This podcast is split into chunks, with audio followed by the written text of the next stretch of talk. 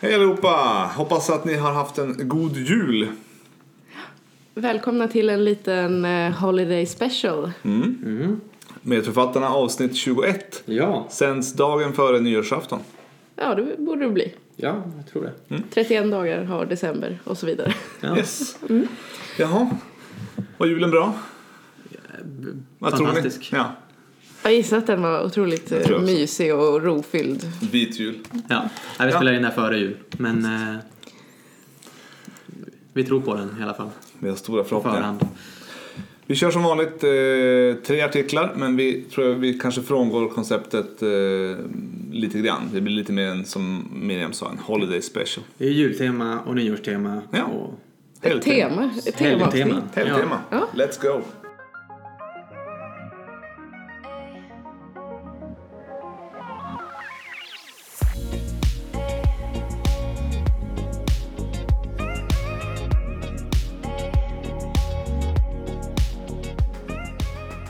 Ja, då lider ju året 2018 mot sitt slut. Mm. Året där det tändes en ny stjärna på poddhimlen. Ja. Verkligen. Medfattarna. Vi har, det här är alltså Ja. vårt 21 avsnitt. Eh, kommer ni ihåg vad ni har pratat om? Nej. Ja, vissa. Ja, vissa Absolut, grejer. Mm. eh, absolut inte alla. Nej. Nej, verkligen Men inte. höjdpunkterna. Eh, en höjdpunkt tycker jag var Wakefield-studien. Som du Eh, pratade om. Vaccinerna. Ja. Ja, MR-vaccinet. Ja. Mm. Eh, fotfyllan var ju... Ja, den var, Den var det är en klassiker. den var bra. Mm. Som vi fortfarande inte har testat. Sjukhustoffeln började ju på Instagram testa åt oss. Just det. Men de hade problem med läckande stövlar Just tror jag. Så Ja. vi får försöka göra det. Ja, vi får göra om det. En ny, en ny studie. Och Framingham var också en sån där som, som satte sig, i, Mm. tycker jag, i minnet. Och hjärnskakningarna, minns Just jag. det. Inget minne av det, men jag har ju haft lite många Ja, NFL. hjärnskakningar själv kanske. Ja, men hjärnskakningarna i NFL och Ja. CTE. CT. Ja, just det. Mm. Ja. Vi får väl se om vad nästa år har i, sin, i sitt sköte. Men eh, än så är det inte slut. Tre Nej. till. Vad börjar vi med? Miriam? Ja, jag tänkte att eh, nu ska jag egentligen ha en gammal eh, artikel men nu är det ju snart eh, nyårsafton och istället då för att titta bakåt och summera så tänkte jag titta framåt faktiskt. Eh, into the future of medicine så att säga. Eh, lite av anledningen till det är också att eh, de här stora sammanfattningarna av året som till exempel Nature har kommer inte förrän i januari så att de får vi ta och sammanfatta sen. Eh, men jo, en liten inflikning jag kan göra där apropå året som varit så har de kommit med någon altmetric eh, sammanfattning av vilka artiklar som i alla fall har spritts och diskuterats mest på eh, eh, liksom sociala medier och i vanliga medier. Eh, och där var ganska många med av dem vi har diskuterat, bland annat det här med mikrovågor som du Mm. eh, på Kuba. Den är mest, bland de mest diskuterade. Alltså. Precis, och eh, också den här um, CAR-T tror jag som mm. Fredde pratade om i Mm. ett avsnitt. Men em, i, i brist på någon bra sammanfattning så väljer jag att titta framåt istället. Mm. Kör. Eh, och eh, då har jag hittat eh, en eh, sammanfattning av eh, Nature som kom i år. Eh, där de eh, har tittat på lite olika eh, ja, fält där man tror att det kommer kunna göras väldigt stora framsteg. Mm. Eh, Är det något ni själva tänker på? Så här, vad kommer man kunna göra under nästa kommande åren eller årtiondet? De tar väl säkert upp... De, jag tänker vad de tar upp snarare vad de kommer kunna göra. Men det kommer säkert vara en del om AI. Ja, absolut. Som i alla andra branscher. Mm. Och eh, gen, genterapier känns ju som en ständigt återkommande Mm. Ja, jo det är klart. Att man skulle, det här med att ändra, men nu i Kina var det någon forskare som eh, hade ändrat, eh, vad hade han gjort egentligen? Ja, men han hade modifierat något så att de inte skulle kunna få HIV, barnet Ja, eller någonting. något sånt. Ja. Eh, en, en god sak Ja. kan man ju tycka men, men otroligt, eh, togs inte emot rent eh, etiskt så här superbra av Nej, och jag minns, jag lyssnade precis då av, på den den här Never Let Me Go av han Nobelpris i Shiguro som jag bara måste få droppa att jag faktiskt har brytt mig om och lyssna på. Men det handlade ju också mycket om så här, eh, ja, framtida genteknik och kloning. Och sen att liksom i, när jag som mest intensivt lyssnade på den så kom också den här nyheten. Jag bara ah, nu går vi in i någon sorts sci-fi eh, etiskt samhälle. Men eh, Nu har han ju lovat att han inte ska fortsätta med sin forskning men det känns ju som att ja, om man gjort det en gång, har någon börjat så kanske man har liksom öppnat Pandoras ask. Alltså såklart om man känner att man har möjlighet att förebygga sjukdomar så kanske det kan kännas oetiskt att faktiskt inte göra det. Men ja. vid det här laget så vet vi ju så lite om vilka andra effekter man ställer till Precis, med. Liksom. det är det att det blir lite scary. Ja, alltså det, som ni märker det här med bara en prata, en, en, eh, en eh, Artikelgenomgång. ja precis, det är inte så himla noga tänker jag. Eh, Så här, Nej, man har semester. Givetvis. precis. Ehm, Men bland det första de tar upp eh, var en sak som jag tyckte var eh, ganska upplyftande att läsa om ändå är att eh, om forskningen på nya antibiotika, att det faktiskt ändå finns eh, ganska, nya ganska lovande kandidater. Ehm, och de har tagit upp eh, fyra olika ehm, nya sätt då som forskas ganska intensivt på. Både eh, att det finns, att de skulle, man skulle kunna ha ett vanligt eh, antibiotika och sen lägga till eh, en, de har ett compound då som blockerar de här betalactamaserna eh, som normalt sett bryter ner betalactam-antibiotika. Ja, men som Spectramox Ja, precis. med klavelansyran. Ja, så Ja. att i- genom att eh, och s- det skulle då vara särskilt bra på vissa eh, gramnegativa bakterier och sådär. Men att det då skulle gå att kombinera med olika antibiotika och på det sättet komma runt alla, just den mekanismen i alla fall. Ja, okej. Så det skulle ju öppna upp en möjlighet för många. Eh, Jag såg någon bild på Twitter för inte så länge sedan på um, ett uh, odlingssvar på en pseudomonas-bakterie Mm, jag såg den också. som hade, vad var det, måste vara ett 30-tal antibiotika Ja. inklusive det här kolistin. Resistens som vi mot fick allt. lära oss vara sista, sista utvägen. Mm. Lika giftigt för dig som det är för bakterierna ja. i princip. Men de var resistent mot precis allting. Mm, herregud. det är jobbigt. Mm. Ja, och de här, de kanske fortfarande är på trial-stadiet, de här nya, men det är skönt att det ändå finns. De har också ett nytt eh, som hette någonting eh, fancy här, nu ska vi se. Eh, exakt namnet vad det var. Men, det då är de hette ändå, något Exio. men då är de ändå en bit ifrån om de fortfarande är, det är ändå fem, tio år bort kanske om de börjar med trials nu. Ja. Men det hette, jo där, te, Teixobactin. Mm. Eh, och det är då unikt för att det behöver inte komma in i cellen utan det attackerar eh, cellväggen men då med de här glykanerna och sånt som sitter på utsidan av cellen. Och det är då eh, så den eh, sätter sig där och kan liksom hämma ja, uppbyggnaden av cellväggen och därmed destruera eh, bakterien. Men, och det unika där också var ju att de här liksom sakerna den går in och förstör, det är inte saker som kodas för inne i bakterie-DNA. Så att det går inte lika lätt att bara mutera och så försvinner bort utan det här är någonting som via olika enzymreaktioner bara bildas där. Coolt. Eh, och eh, han som har tagit fram det, eller varit med och tagit fram det, säger också att det här var ju ett ämne de hittade i liksom, eh, jordmikrober. Eh, och att egentligen har man bara utforskat sig ungefär en procent av de här jordmikroberna. Så att egentligen finns det väldigt mycket där att hämta som vi kanske inte har kartlagt eller vet om ännu. Okej, så de har ungefär som han som sökte sjöpungar. Sjöpunge. Ja. Eh, sökte genom hela, jord, hela havet för att hitta någonting som var antibiotikum i naturen. Nej, det var det ju mot eh, cancer. Ja det var det, det var, det var, cyst- det var Ja. cytostatika, men här söker de efter antibiotikum i I jorden. jorden. Ja. Mm. Och sen eh, fanns det även något, eh, de har kommit fram till ett, eh, en molekyl som heter pseudoridymycin. Ja. Nej men som eh, är en eh, RNA-polymerasblockare då. Men eh, det unika med den också var att den blockar det här polymeraset på så många ställen så att det också kommer vara svårare att utveckla eh, resistans mot. Men vi vet inte hur farliga de är för människor. Nej precis, det är det. Att det, är så här, det måste ju vara safe också. Jag har provat eld. Det funkar väldigt bra på alla bakterier. De bara brinner upp. Men det här har vi någonting mer specifikt igen då. En, och det här visste inte jag, men CRISPR, som är CRISPR-Cas, den här gensaxen man använder. Ja. Själva CRISPR-biten är bara, det är en del av en bakteries immunsystem. Aha. Eh, så att jag känner att vi kanske kommer behöva prata mer om CRISPR-Cas någon gång, för jag kan ingenting om det. Men i alla fall så är det liksom, eh, det, CRISPR är bakteriens eh, försvarsmekanism mot om det, den blir infekterad av ett virus och då kan den, den ut det. precis, den kan liksom klippa Virusgenomet. eh, sönder saker för eh, att stoppa viruset. Men eh, nu har de då kommit på ett sätt att göra så istället för CAS 9 så aktiverar de CAS 3 tydligen och CAS 3 bara är så här men det är ingen sax utan det verkar vara mer som en hammare. Typ bara. Så att, Släggan.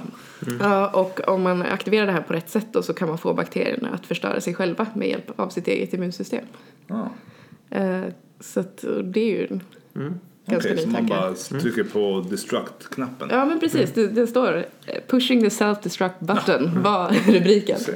Ja. Brasklappen på alla de här är att de inte ska förstöra allt annat också. Ja men det här är ju i alla fall väldigt bakteriespecifikt. Ja. Det är ändå, okej. Men eh, Hoppas vi. Ja, ja. men det känns, det var ändå skönt att höra om för att vi, Ja. med antibiotikaresistensen och allt så är det bara så här, nej vi har inget nytt. Nej. Sen är det klart att liksom den här forskningen har varit eftersatt och den är långt borta och det är klart du tjänar inte lika mycket pengar på att göra de här Nej. som att göra statiner som folk tar hela livet. Men samtidigt så hur mycket antibiotika används det inte i världen? Alltså det måste ju vara den vanligaste liksom, ja, det är ju väldigt vanligt att man ger det hela tiden till alla. till en stor bred Ja, population. Liksom. Men visst, inte kanske som, inte lika stort som kanske Omeprazol eller Precis, ja, saker du Men- måste ta Nej, upprepat. är-. Metformin. Men, men eh, jättevanligt är det ju ändå. Mm. Ja, Kul. så att, eh, det- var det jag valde att djupdyka i för det gjorde Ja. mig mest glad. Men de har ju liksom, även tar de upp att de eh, ska kunna använda big data som är ju väldigt hett nu. Jag har inte fattat vad det betyder riktigt men man ska alltså kunna genom att använda big data kunna vara mer bli bättre på att eh, förutsäga stora infektioner som influensor i världen. Liksom. Istället för att det bara ska vara liksom, läkare eller individuella myndigheter som rapporterar att oj, nu har vi fått influensa här så ska Just man liksom... Det har väl Google försökt lite grann att de Google har använder, Google Health. ja, att de bara, jag tror att de väldigt förenklat bara tittar på vad folk söker. När, när man söker på influensasymptom så, så märker man att nu börjar det i eh, Asien och nu börjar det i Ja, själva. Google-sökningen. Ja, jag tror Ja. att man kan titta så liksom vad, vad Det folk kan, det kan man titta på själv på Google Ja, precis, det kan ju vem som helst. Och så kommer alla läkarstudenter och förstör den. Ja, ja men liksom, det blir nog ändå seasonal spikes när de har ja, ja, infektion. precis, Men jag så- tror det är så få ändå. Så, ja. ehm, så det kan man nog se ungefär Mm. när Och det, Nej. big data, ekonomerna har ju Mm. varit snabba med bi- big data. Ehm, och det mm, jag tror de använder det för att kunna ändå förutsäga USAs presidentval. Mm. Att man är genom att, precis som du sa, kolla Google-sökningar och Mm. annan tillgänglig. Det finns ju ma- massa tillgänglig Ja, ja. data nu. Alla har ju data på precis allting. Ja, ja precis. Mm. Det Ja. borde man ju kunna utnyttja. Ja, och sen jag tänker bara namedroppa lite. De tänker också att genom då att eh, mer kunna styra vilka bakterier ett barn, alltså när barnet har fötts så är, är ju tarmen eh, har inga bakterier och sen så får man det att man på något sätt ska kunna styra där i vilket bakterieupptag de får för att liksom få ett mer eh, livslångt hälsoskydd. Okej. Då. Så i- Stoppar dem i en bakteriekultur. Ja, eller eh, låter dem äta. Det låter också Ja, lite man sprutar in. Lite Du sköna nya värld. Ja, verkligen. Ja. Vad kan man spruta in vad som helst? Eh, och sen tar de också upp att det har kommit, eh, att man redan nu har kommit ändå, det visste inte jag, så pass långt att man eh, kan med hjälp av, eh, eh, eh, man sätter eh, elektroder i eller utanpå folks hjärnor som är förlamade, att man då med hjälp av tanken kan styra proteser eller exoskelettliknande proteser. Att det har kommit så långt att man liksom Ja men de här beskrev någon, det var någon plastikkirurg som hade varit med om någon eh, olycka och sen varit med och testat fram någonting. Och att han då genom att eh, fick eh, såna här benproteser att funka genom att eh, tänka att han skulle gå upp och det ställa sig. Men, och tydligen var det också så, det var inte att han tänkte att så här, nu, nu ska jag gå, eller så här, hur går man? Utan det var mer att han, som man gör när man bara gör, alltså så här att, ja Mm. där borta är kaffekoppen, jag vill ha kaffe och så bara, Han lyfte foten helt Ja. enkelt och gjorde den det. ja. Mm. Så det är ju häftigt att Mm, det kommer kunna utvecklas. Och sen, eh, det sista jag tänkte upp var något som jag tyckte var ganska eh, sjukt. Eh, att man då igen med hjälp av den här CRISPR-Cas-tekniken, det verkar ju vara hela framtiden så att, och sjukt komplext så att vi får se om vi kommer kunna djupdyka i det någon gång. Jag. Ehm, så tror man att man ska kunna ta fram typ eh, ett vaccin mot hjärt-kärlsjukdom. Alltså man klipper ut eh, riskgener, eller? Ja, Nej. de har, för de har identifierat en som heter eh, PCSK9 som styr LDL-kolesterolet. Det är där man har såna här hämmare, PCSK9 hämmare. Precis, och de hämmarna har ju visat sig vara väldigt bra på att eh, Man har super mycket kolesterol. Ja. Ja. ja, men de har ändå varit, varit, visat sig vara bra på att eh, förebygga det där. Men de är svindyra och du måste ha jättemånga in, liksom, injektioner i hela ditt liv.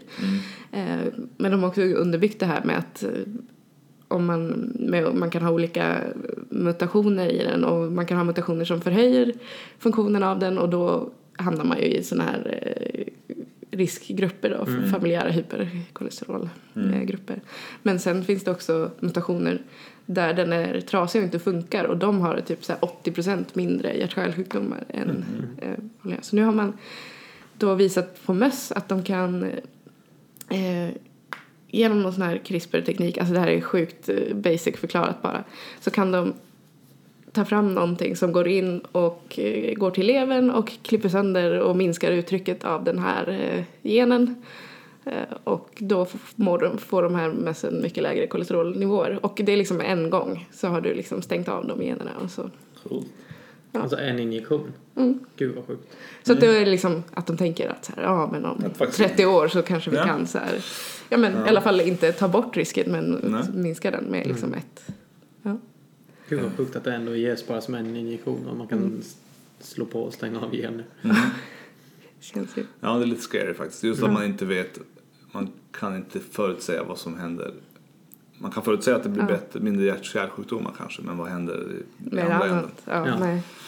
Ja. Efter, Men just eftersom vi aldrig kan veta riktigt Nej. hur många funktioner just de här Nej, och hur många har. läkemedel och sånt vet man inte ens hur de, varför de funkar. Nej, man bara vet stoppar i de det. Funkar. Och hur liksom det funkar med någonting i övrigt efter det. Nej, Alltså, precis. allt, kan, ju- allt är ju potentiellt Det är livsfarligt. Hur är det när jag, när, nu när jag har stängt av min PCSK9? Får jag, får jag, får jag äta mandel? ja, precis. Nej, det- nej, får du inte. Svårt, svårt att svara på. Nej, det blir en del frågor. Jag vet inte. Ja, men det finns, eh, det kommer ju troligtvis att finnas en hel del att prata om i framtida poddar också. Ja, men det är lite svindlande ändå att saker kan ta vägar som vi inte alls kan se nu. Ja, verkligen. Ja, så istället för att titta bakåt tittade vi Mm. framåt. Intressant, tack för det. Snyggt. Gå Ska vi gå vidare? vidare? Ja, det gör vi.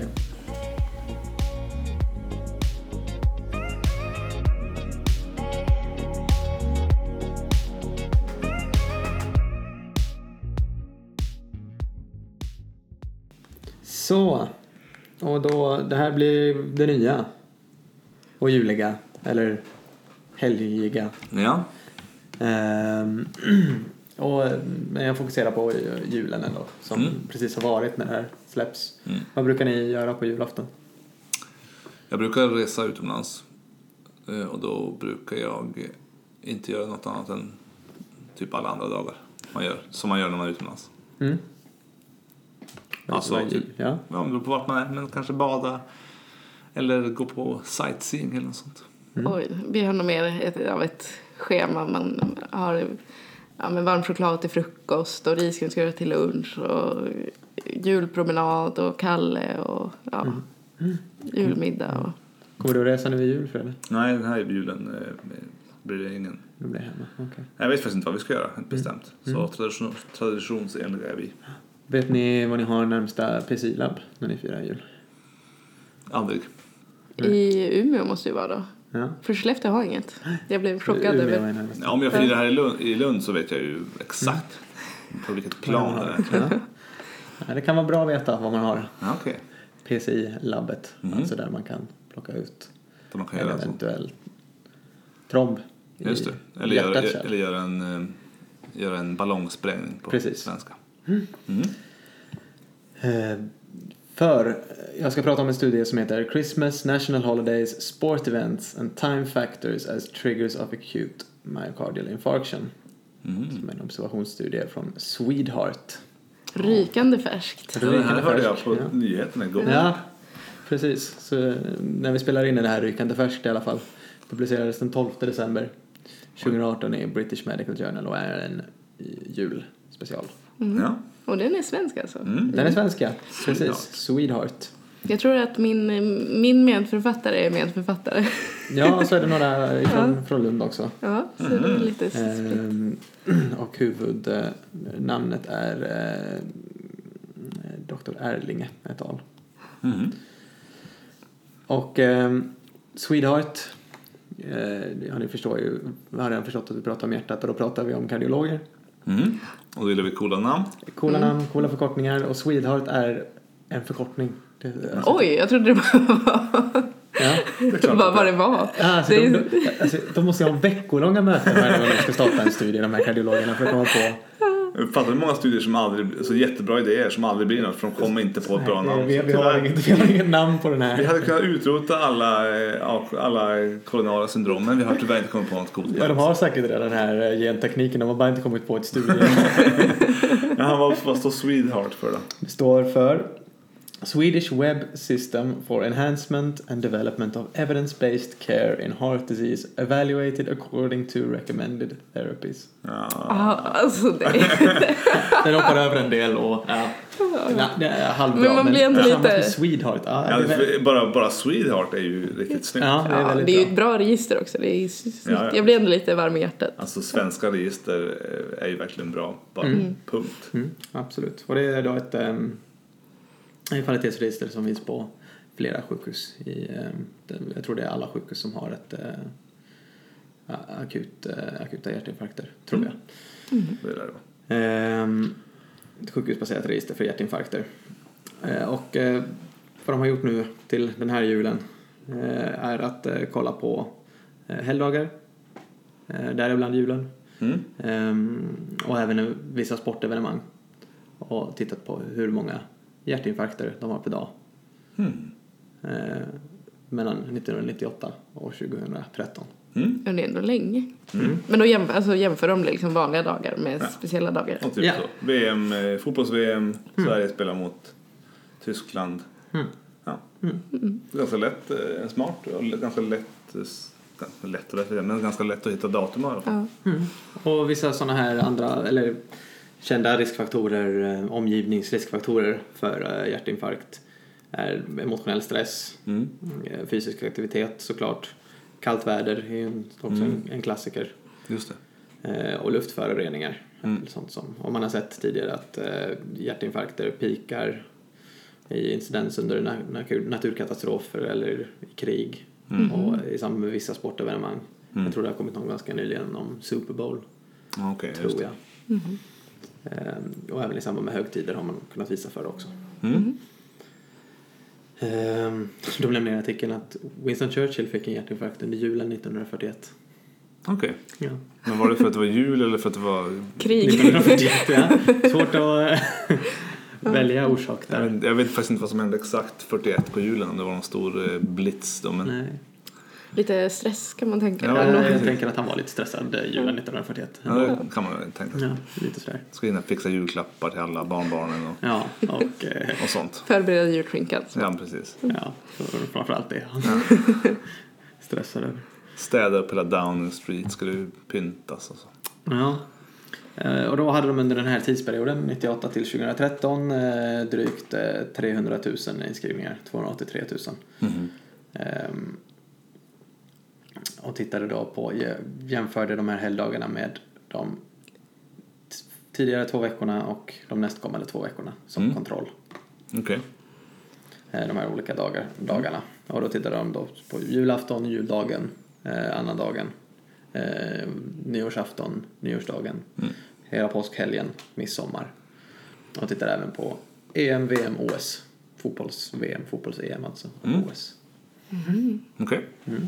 Det är inga andra sporter som var tillräckligt Nej, det stora för att komma med här. Nej, Nej, men hockey-VM är ju varje år så man hinner inte jobba upp så mycket nej, det har stress. blivit så mycket sämre nu. Nej. Inte- Nej. Ja. Jag har de fina beskrivningen också av precis vad de här högtiderna Vad de innebär. innebär. Ja, just det. Midsummer. Och. Eh, Julen eh, firas med den närmsta familjen. Mm. Eh, huvuddagen är julafton den 24. Just det. Ja, så fortsätter man fira juldagen och annandagen. Nej. Ja, tydligen. Tydligen gör man så. Ja, och så förklarar de nyår, påsk och midsommar också. Okej. Midsommar är väl kanske den som behöver mest förklaring. Mm. And then we do a Swedes- little Ja, dance. Swedes gather to celebrate by dancing around the maypole. Singing, eating and drinking, often to excess. Yes. Det känns också som att Det det stämmer. summerar det ganska väl. Ja. Ja. Väldigt fin summering. Och eh, när man jämför det då med de två veckorna innan och två veckorna efter så såg man en ökad risk för hjärtinfarkt på julafton, juldagen, annandagen och nyårsdagen. Mm. Under hela perioden, så, jul och nyår, så ökar den relativa risken för hjärtinfarkt med 15 procent. Oj. Mhm. Eh, ingen skillnad då på påsken. Nej. Nej, men den är inte Mm. lika Nej. big deal heller. Eh, och ehm, framförallt var det då julafton som Mm. stack ut med en relativ risk på 37 procent. Mm. Det kan man ändå förstå. Liksom. Det är, ju- om man tittar vad, vad folk stressar upp sig över så är ju julaf, julen, julafton. Mm. Med alla, du vet, det ska handlas och det ska fixas och allt- allt ska vara perfekt. Och maten. Ja, och dessutom mat och så. Medan 20 olika påskafton och, ny, och midsommarafton då är man lite mer, Laid back. ja men så. Den, de, de behöver inte bli perfekta. Det gör Nej. de inte om man bränner, eh, Nej, verkligen inte. Det är inte, jag vet inte, köttbullarna på påsk. nej. Men på julafton är det ju en katastrof. nej då kan man lägga ner bara. Ja. Nej, midsommar var också, ehm, hade också en högre eh, Okej. hjärtinfarkt. Men julafton är värst av alla. Julafton är värst. Ja, så när ni hör det här, om ni överlevde julafton så är det bara pusta ut liksom. Mm. Och de här eh, sportevenemangen var inte heller någonting som visar någon ökad eh, inläggningsfrekvens Nej. för hjärtinfarkt på sjukhusen. Men det är kanske inte riktigt, alla är ju, alla, nästan alla firar ju faktiskt jul. Mm. Medan fotbolls-VM är inte riktigt lika stort kanske. Nej, precis. Så det behöver väl... Eh, ja, nej, precis. Det är ju inte, det är inte lika stort som julen. Så Nej. det får man väl ändå säga. Ja.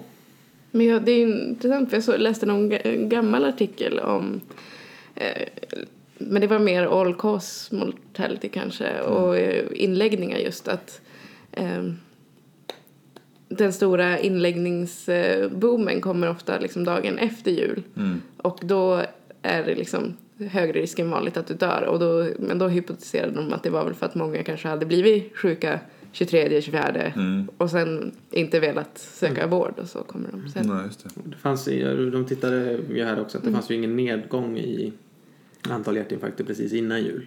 Nej, Alltså okej. dagarna innan jul utan som man hade konstant. förväntat sig då om folk hade Väntat. väntat med att söka. Att jag, jag har ju fruktansvärt ont i bröstet men det är ju snart jul. Mm, nej, just det. Eh, Men Det hör till. Jul. Så här är det varje år. Ja.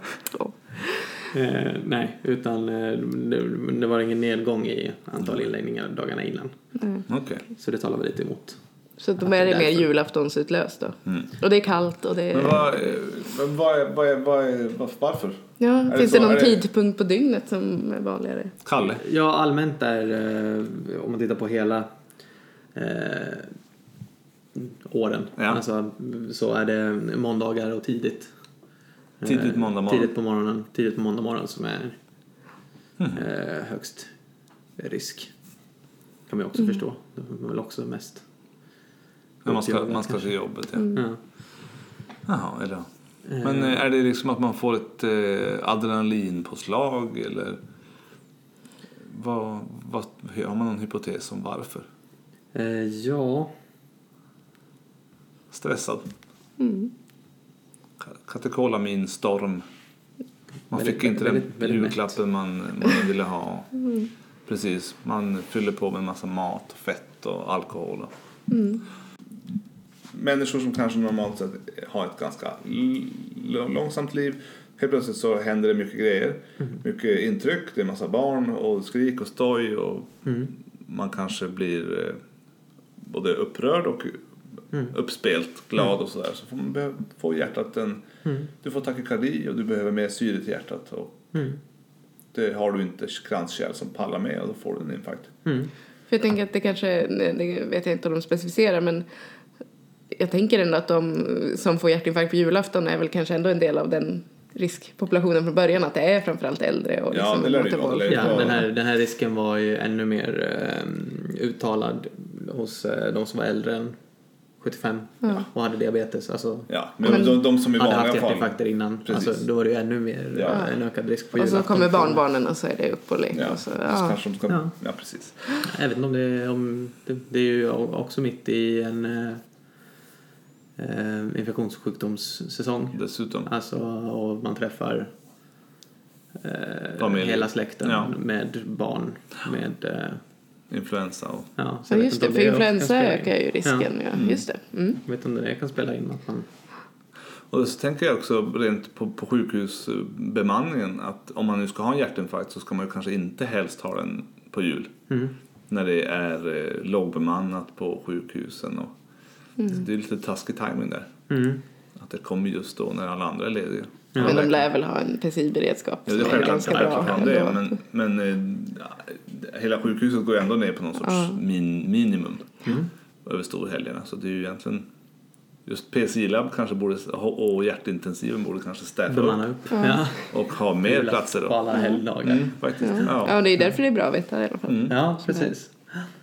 Ja, bra. Ja, Kanske ni ska ha en laddningsdos trombil i gröten precis. Istället för mandel. istället för mandeln. Ja. Så Morfar fick, fick trombilen. Fem stycken också. Och mormor fick statinen. Det är perfekt. Ja.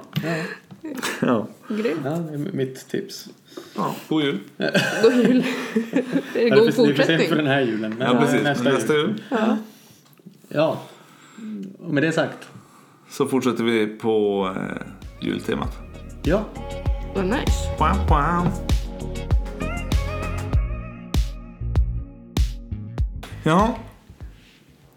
ja, nu har vi ju pratat eh, om eh, jul och eh, alkohol och sådär. Vad... Eh, jag, jag förknippar också julen med, med att man äter för mycket kanske. Känner ni igen det? Att man kanske, typ, om man äter julbord och godis, och det blir mycket fokus på att äta. Och... Eh, Ja, man vill ju optimera liksom. Ja precis, och det är mycket, det man vill ju ha, man vill ju prova av allting så det blir ju ganska lätt att man äter för mycket. Och eh, då eh, blir man ju rätt så illamående.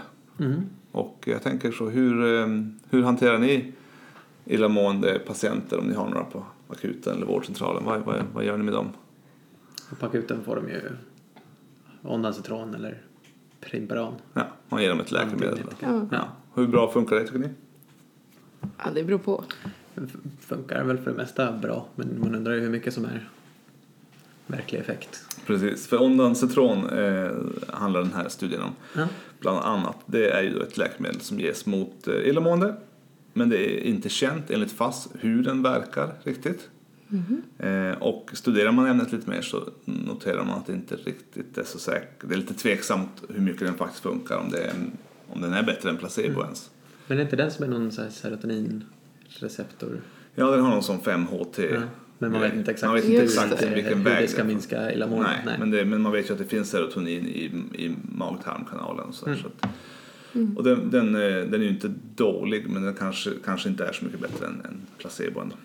Men den här studien eh, heter eh, Aromatherapy versus oral ondansetron for antiemetic therapy among adult emergency department patients. En randomiserad kontrollerad studie. Eh, I den här studien så randomiserade man 122 patienter till tre olika grupper. De sökte allihopa akut för illamående och man exkluderade alla som, var, som hade lite olika saker. Till exempel gravida tog man bort och man tog bort eh, de som var väldigt svårt sjuka och så där. Man ville ha en ganska homogen grupp med lite så lagom illamående. Oj, men jag att det ska ganska mycket till. Alltså man lär ju ha väntat ett tag om man är illamående, alltså söka akut för det. Ja, Eller jag hade ju bara tänkt att ja precis. nu, eh, nu har jag, får jag ju säkert maginfluensa snart. Eller liksom Ja. Att man väntar ett tag så ser man börja kräkas och Precis. så här. Men ja. Men eh, ja, jag vet- jag har ingen aning hur länge de här har väntat. Det. Men det är illamående och kräkningar. Illamående och, och kräkningar, Ja, precis. ja, det kan ju Ja. bli ett problem. Absolut. Så 122 patienter delades upp på tre grupper. Det blev eh, efter eh, något avhopp i, i två av grupperna så blev det precis 40 patienter i varje grupp. Så det var ju bra. Eh, I grupp nummer ett de fick eh, äta ondansetron och så fick de eh, sniffa handsprit. Okej. Eh, grupp två de fick eh, äta placebo och sniffa handsprit. Och grupp tre fick eh, äta ondansetron och sniffa på ringeracetat. Oj, det är ändå saker som man har eh, handy Ja, så på det här, allt det här har akuten. vi, har vi på akuten. Ja. Eh, och alla patienter, den var ju då dubbelblindad. För, fast patient, och, men om du sniffar på ringeracetat och sen sniffar du på handsprit så märker du ju skillnad. Så det blir ju det blir inte riktigt blindad för patienten. Nej. Men eh, de var uppmanade att inte berätta för eh, läkaren eller forskaren vad, de skulle inte säga någonting om vad det luktade så de skulle bara lukta. Och, eh, men vil- vilket läkemedel de åt, om det var placebo eller ondansetron, det var ju, det var ju helt... Eh, Men hur luktar ringer? Luktar det? Ingenting. Nej, jag tänkte jag bara ursäkta. Jag har Nej. missat något här. nej, om du luktar på handsprit så vet jag att det luktar Ja, det luktar ju någonting. Men, men ringer luktar ingenting. Nej. Eh, ja, och som vatten liksom. Ja. Så eh, alla uppmanades att eh, sniffa på den. De fick en tuss. De fick sniffa, hålla den eh, en, en, två centimeter ifrån näsborrarna och inhalera med näsan eh, så många gånger som det krävdes för att uppnå en lindring av sitt illamående. Okej. Och så efter 10 minuter, 20 minuter, 30 minuter, 60 minuter och därefter varje timme tills man bestämde sig för att avbryta så fick de eh, patienterna erbjöds de fler tussar av samma ämne att sniffa på och eh, hålla på så. Då. Och sen lät man dem eh, både före och vid varje sån tidpunkt fick de gradera på en VAS-skala från 0 till 100 hur illamående de var. Mm. Och eh, i början så låg gruppen som, sniff, som då, grupp 1 som fick handsprit och ondansetron, de låg på 53. Grupp 2, handsprit och placebo, låg på 51 i illamående. Och den tredje gruppen som var ringeracetat och eh, ondansetron låg också på 51. Och sen så testade man det här. Och efter, till exempel efter 30 minuter så, låg, eh, så sjönk de, eh, hade de sjunkit med 30, 32 respektive 9 steg. Då. Så de låg ungefär på gruppen med eh, handsprit och ondansetron låg på 33. Handsprit och placebo låg på 28 och eh, förlåt, 29. Och ringer och ondansetron låg på 42. Då. Så att, eh, en tydlig eh, sänkning för båda grupperna som fick, eh, som fick eh, inhalera handsprit. Ja. Oavsett vad de fick för läkemedel till. Ja. Gud. Och så att, båda de grupperna fick mycket bättre lindring och allra bäst gick det för de som fick placebo. Så att, eh, att låta patienterna ta, ta lite papper eller en tuss och spruta lite handsprit och låta dem prova. Det är ju, känns ju ganska Ofarligt. ofarligt. Ja. Eh, Lukta, inhalera tills det sticker i näsan och man känner att man blir min- mindre illamående. Så, Mhm. Så slipper man kanske ge dem eh, ett läkemedel. Har man någon mekanistisk tanke? Eh, nej, de hänvisar bara till att andra studier som visar att, eller så an, att det är känt, allmänt känt att, att, alkohol, att inhalera alkohol, isopropylalkohol eller de kallar det, att det är känt att det är, antiemetiskt. Mm. Så att det, de pratar inte så mycket om varför, det kan man säkert läsa sig till i andra studier. Men så mitt förslag är ju att man helt enkelt nästa fest man ska på julfest eller nyårsfest eller så, så sparar man snapsen bara. Tills efter, man struntar i att dricka den för den kan ju vara lite emetisk kanske. Mm.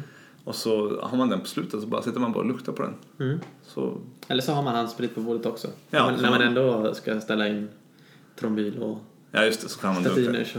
Ska du handsprit. lukta på glöggen pojk kan man säga om någon, någon sitter och kräks lite i ett hörn. Det blir bra. Ja. Så det är tipset. Mm. Det var intressant för att eh, det är lätt att prova på akutmottagningen när man är där. Mm. Testa om det är någon som mår illa så kan man prova.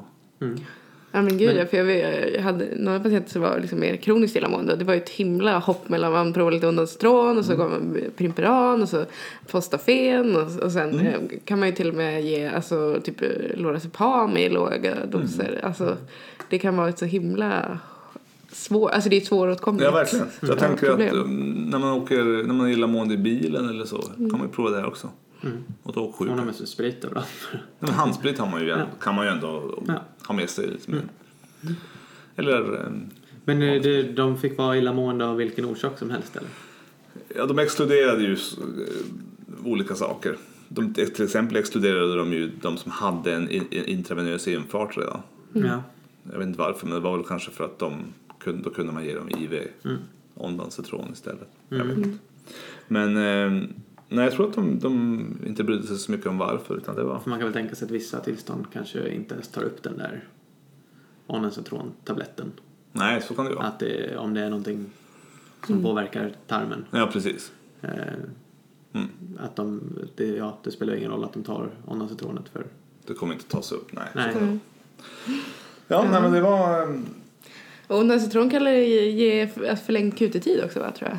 Ja, Så att eh, man ska det är absolut inte helt, eh, det är inte helt ofarligt. Nej, jag tycker det var, det kan bara berätta anekdotiskt om det, att jag var på eh, barnkardiologen och då är det tydligen så att de rekommenderar, alltså föräldrar eller om man har det själv, att eh, om man har lång QT-syndrom så kan man ha en app i mobilen där man kan kolla upp varenda läkemedel man eh, Ja. får typ. För att man ska inte lita på att läkarna känner till alla läkemedel som ger lång Jag kollade upp det häromdagen eh, på en patient. Eh, Det finns en bra lista någonstans. Okej. Det räcker bara att söka på lång QT QT drugs typ. Okej, så får man veta Så vad en, som så ger ännu bara mer. söka om man i en databas. Och det är ju ganska många vanliga, sertralin, omeprazol. Ja.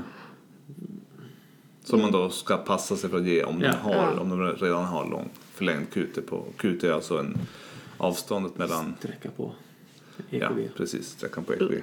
Långsam. Brukar man kalla det att det är Ja. långsam repolarisering då, eller vad blir det? Depolariseringen eller repolariseringen som är långsam? Nej, vi klipper Ja, det. både, både och kanske. Ja. Det är både Q och T. ju- Ja.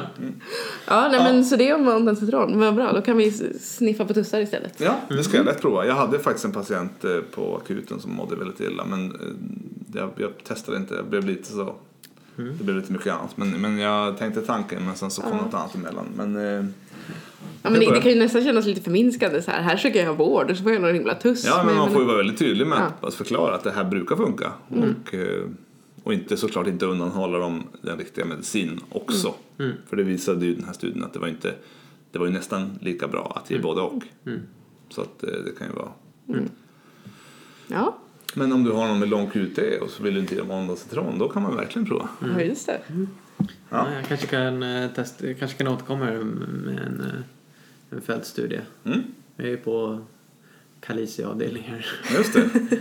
Det är ju mycket kalicer i hela, alla chanser. Ja. Ja, så eh, jag kanske får chansen. Prova. Då, då, då lovar jag att testa. ja, det är bra. Spännande. Yes, så det var allt för idag. Ja, Nästa gång vi hörs då är det nytt år, Ja, just nya det. tag. ja och eh, ja, en ny. Vad tänker ni? Vad tror ni, vi, vad tror ni vi kommer prata om? Vi har pratat om vad vi tror kommer hända inom sjukvården. men Vad tror du vi kommer prata om nästa år? Men CRISPR får vi väl ta upp. Ja, CRISPR-Cas9 Eh, måste vi prata om. Det är så himla komplicerat bara, men man kan ju Ja, försöka i alla fall. Om det är för hela medicinens framtid så får vi Ja, lov att göra det får vi göra. Men Jag kommer eh, redan nu tror jag börja läsa mig på opioidkrisen i Mm. USA. Ja. Ja, men jag tror det. Och det kan man ju se retrospektivt. Jag har kikat lite på det vi har pratat om. att eh, Det går ju avsnitten där vi pratar om lite mer aktuella kontroverser går ju lite, lite bättre alltså. Med mässlingen och Mm. medicinsk åldersbedömning. Så vi får kanske sikta in oss på lite sådana Ja. hot topics. Precis. Jag eh, hörde rykten, jag har faktiskt inte hittat studien, om, om eh, någon, eh, på tal om AI, en, en robot, alltså en artificiell intelligent robot som hade utfört eh, neurokirurgi. Så det ska jag försöka hitta. Och, alltså inte någon alltså, sån här robot som är människostyrd? Nej, eh, utan som är styrd av en eh, AI-motor. Då. Så vi får se eh, om, om jag kan hitta den studien eller om det bara är rykten. Mm. Det vore ju något om vi, om vi kunde låta datorerna göra operationerna också. Det känns långt ifrån alltså. Ja, det känns det verkligen. Men eh, ja, säg inte det. Vi får se. Ja. Gott nytt år och så hörs vi. Ja, hoppas ni 2019. har haft en god jul. Ja, hör av er på Instagram, medförfattarna. Så ses vi nästa år. Ja, hej då. Hej då. Hej då.